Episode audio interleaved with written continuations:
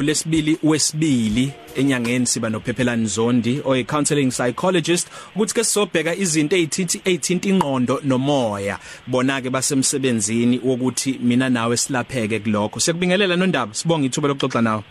Ngiyabonga ngiyabonga ithuba wemhlongo. Le ndaba siqale no Sel Beyonce ngesonto elidlule ngesikhathi mina ngiveza indaba yokuthi kumele sibe nenkulumo ethe ayibe nzinyana nodadewethu ebekumele sibheke ngokwama scenarios izinto ezingahle zenzeke eziningi ezingahle kube yizo. Uyayibona leyo nto ukuthi akusiyona into oyijwayele nje kunanoma isiphi isimo. Kangakanani ke mawusungena kwi crisis namhlanje sikhuluma ngokuthi sizilungiselela kanjani ngokomqondo ekutheni sibhekane nezikhathi zobunzima? Yeah ngolumsuku kudala wesiyanga fake ngifake ngaba nengxoxo nawe. Ingxoxo yami yayithi ngijabulile othandweni nomuntu enginaye. Mhm. Kodwa ngiyazilungiselela ukuthi mhlazane kufika usuku la khona sihlukana ngiyokwenza njani? Ngenzeka sihlukaniswe ukuthi ashone? Ngenzeka sihlukaniswe ukuthi uthando liphele noma kucaca ukuthi asisakwazi ukuqhubeka. Yeah now lokho lokho kwa lokho lo mcabango eh lokho kwamukela lokho ukuthi uthando lwethu kungenzeka liphazamiseke okanye luphele.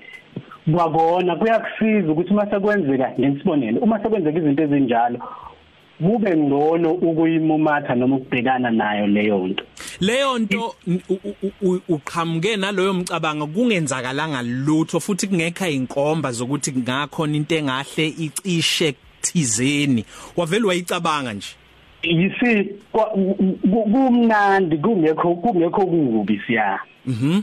But but ngaze ngathi ngaze ngathi ngizinikeza ngisho nama steps by steps ukuthi uma eshona ngiyozama kanje ukucope uma ehamba ngiyozama kanje ukucope vele kodwa lento ngeke izihambe ngama steps but okubalekile ukuthi ukuthi engqondweni yakho unayo lento yokuthi ingenzeka nakumina lento lena. Yabo. So ngiyaye ngithi mina ngikhambe ngomuntu ngomuntu onethembe elikhulu okudlula abantu abaningi. Mhm. kodwa ngiyazi ukuthi impilo ingabheda noma yini kusukela manje.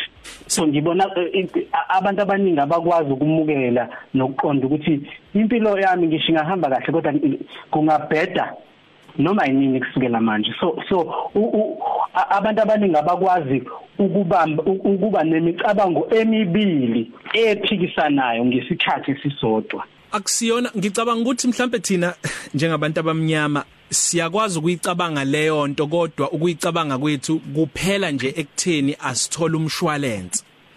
Kodwa ekutheni ngokomoya ngizoqhubeka kanjani ngokomqondo ikhaya yonke into asibe sisayicabanga. Umucabanga yini edala lokho ukuthi singafuni ukudlulela size siyofika kulokhuya esingathi mhlambe oku extreme? Yingoba sisuke sisaba ubuhlungu bokucabanga lokho. Hmm. nango uma uyagula. Yenza isibonelo.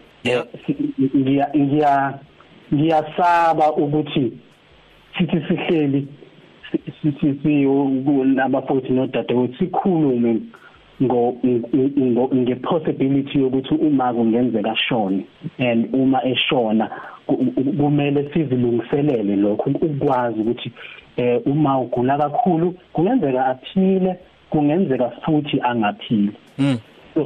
So, siyasaba ukukhuluma ngalokho ngoba kuyathusa futhi kusiyisa ebuhlungwini mm. one. Mm. okwesibili kwenza sengathi asisibona abantu abanethemba noma abanokholo. Abanokholo.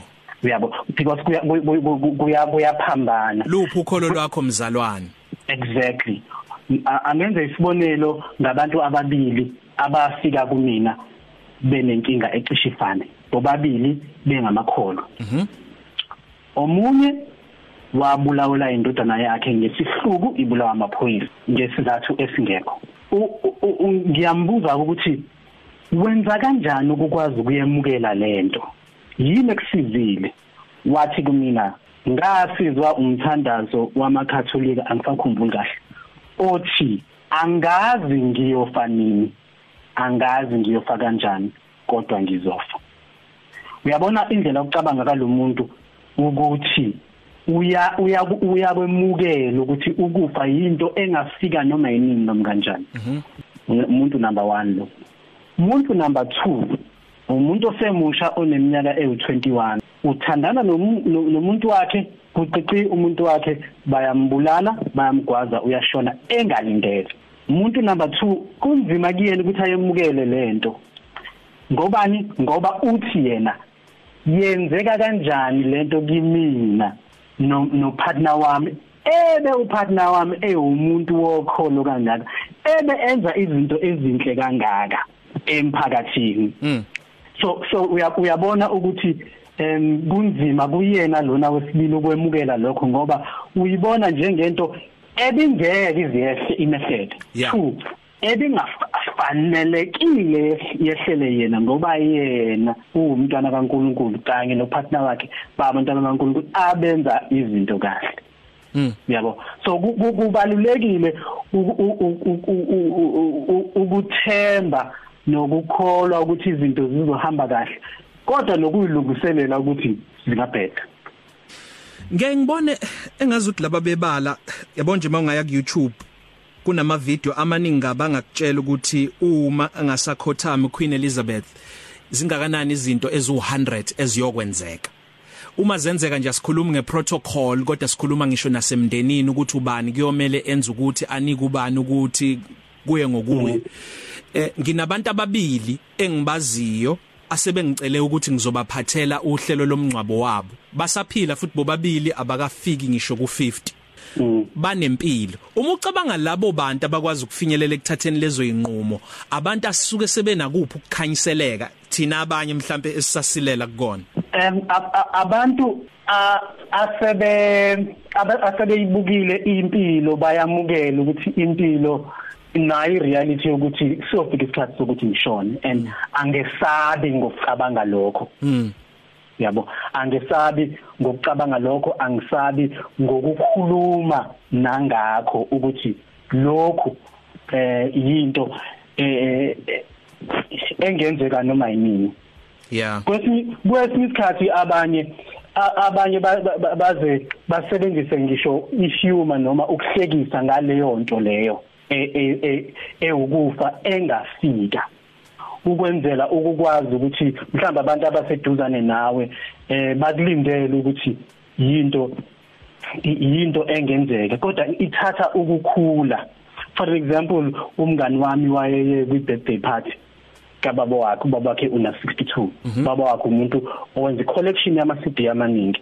Uma esukume ethula speech uthi eh sengigoqa ke baba ngiyabona ukuthi ke empeleni usuyasondela impela egodini.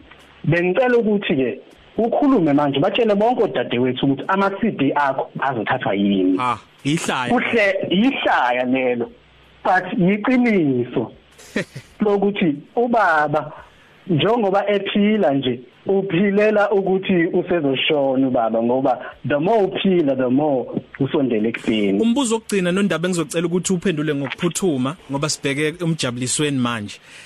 Ngabe ukuzilungiselela mhlambe okunye kwakho inyathelo zakhona esingakhuluma esingakhuluma ngazo kwenza ukuthi uma sekufika ke lobo obhlungu obukhulu obunjengobufa bungazweli futhi itrauma ingalokhu isibambile ngendlela ebingasibamba ngayo kube asizange size siucabange siucabangisise leyo mcabanga kungakenzeki lutho? Iqiniso lithi angeke sikwazi ukuzilungiselela ngokugcwele ngezinkinga nobuhlungu bempilo esiyohlangabezana nakho mm. Kodwa kuyasiza ukuthi wazi ukuthi lento yinto engenzeka. Yeah. Kodwa angeke sikwazi ukuzilungiselela ngokugcwele.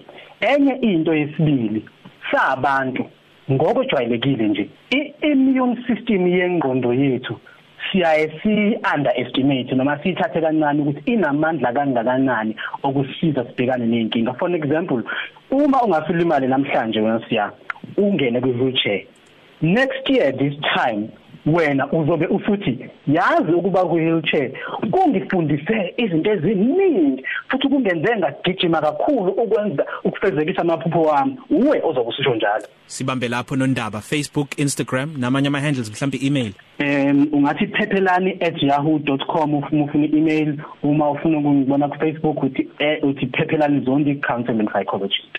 Sibonga kakhulu. Soxoxa futhi nangokuzayo mfethu. Positive Cafe. Ilunch yakho ayifani neyizolo.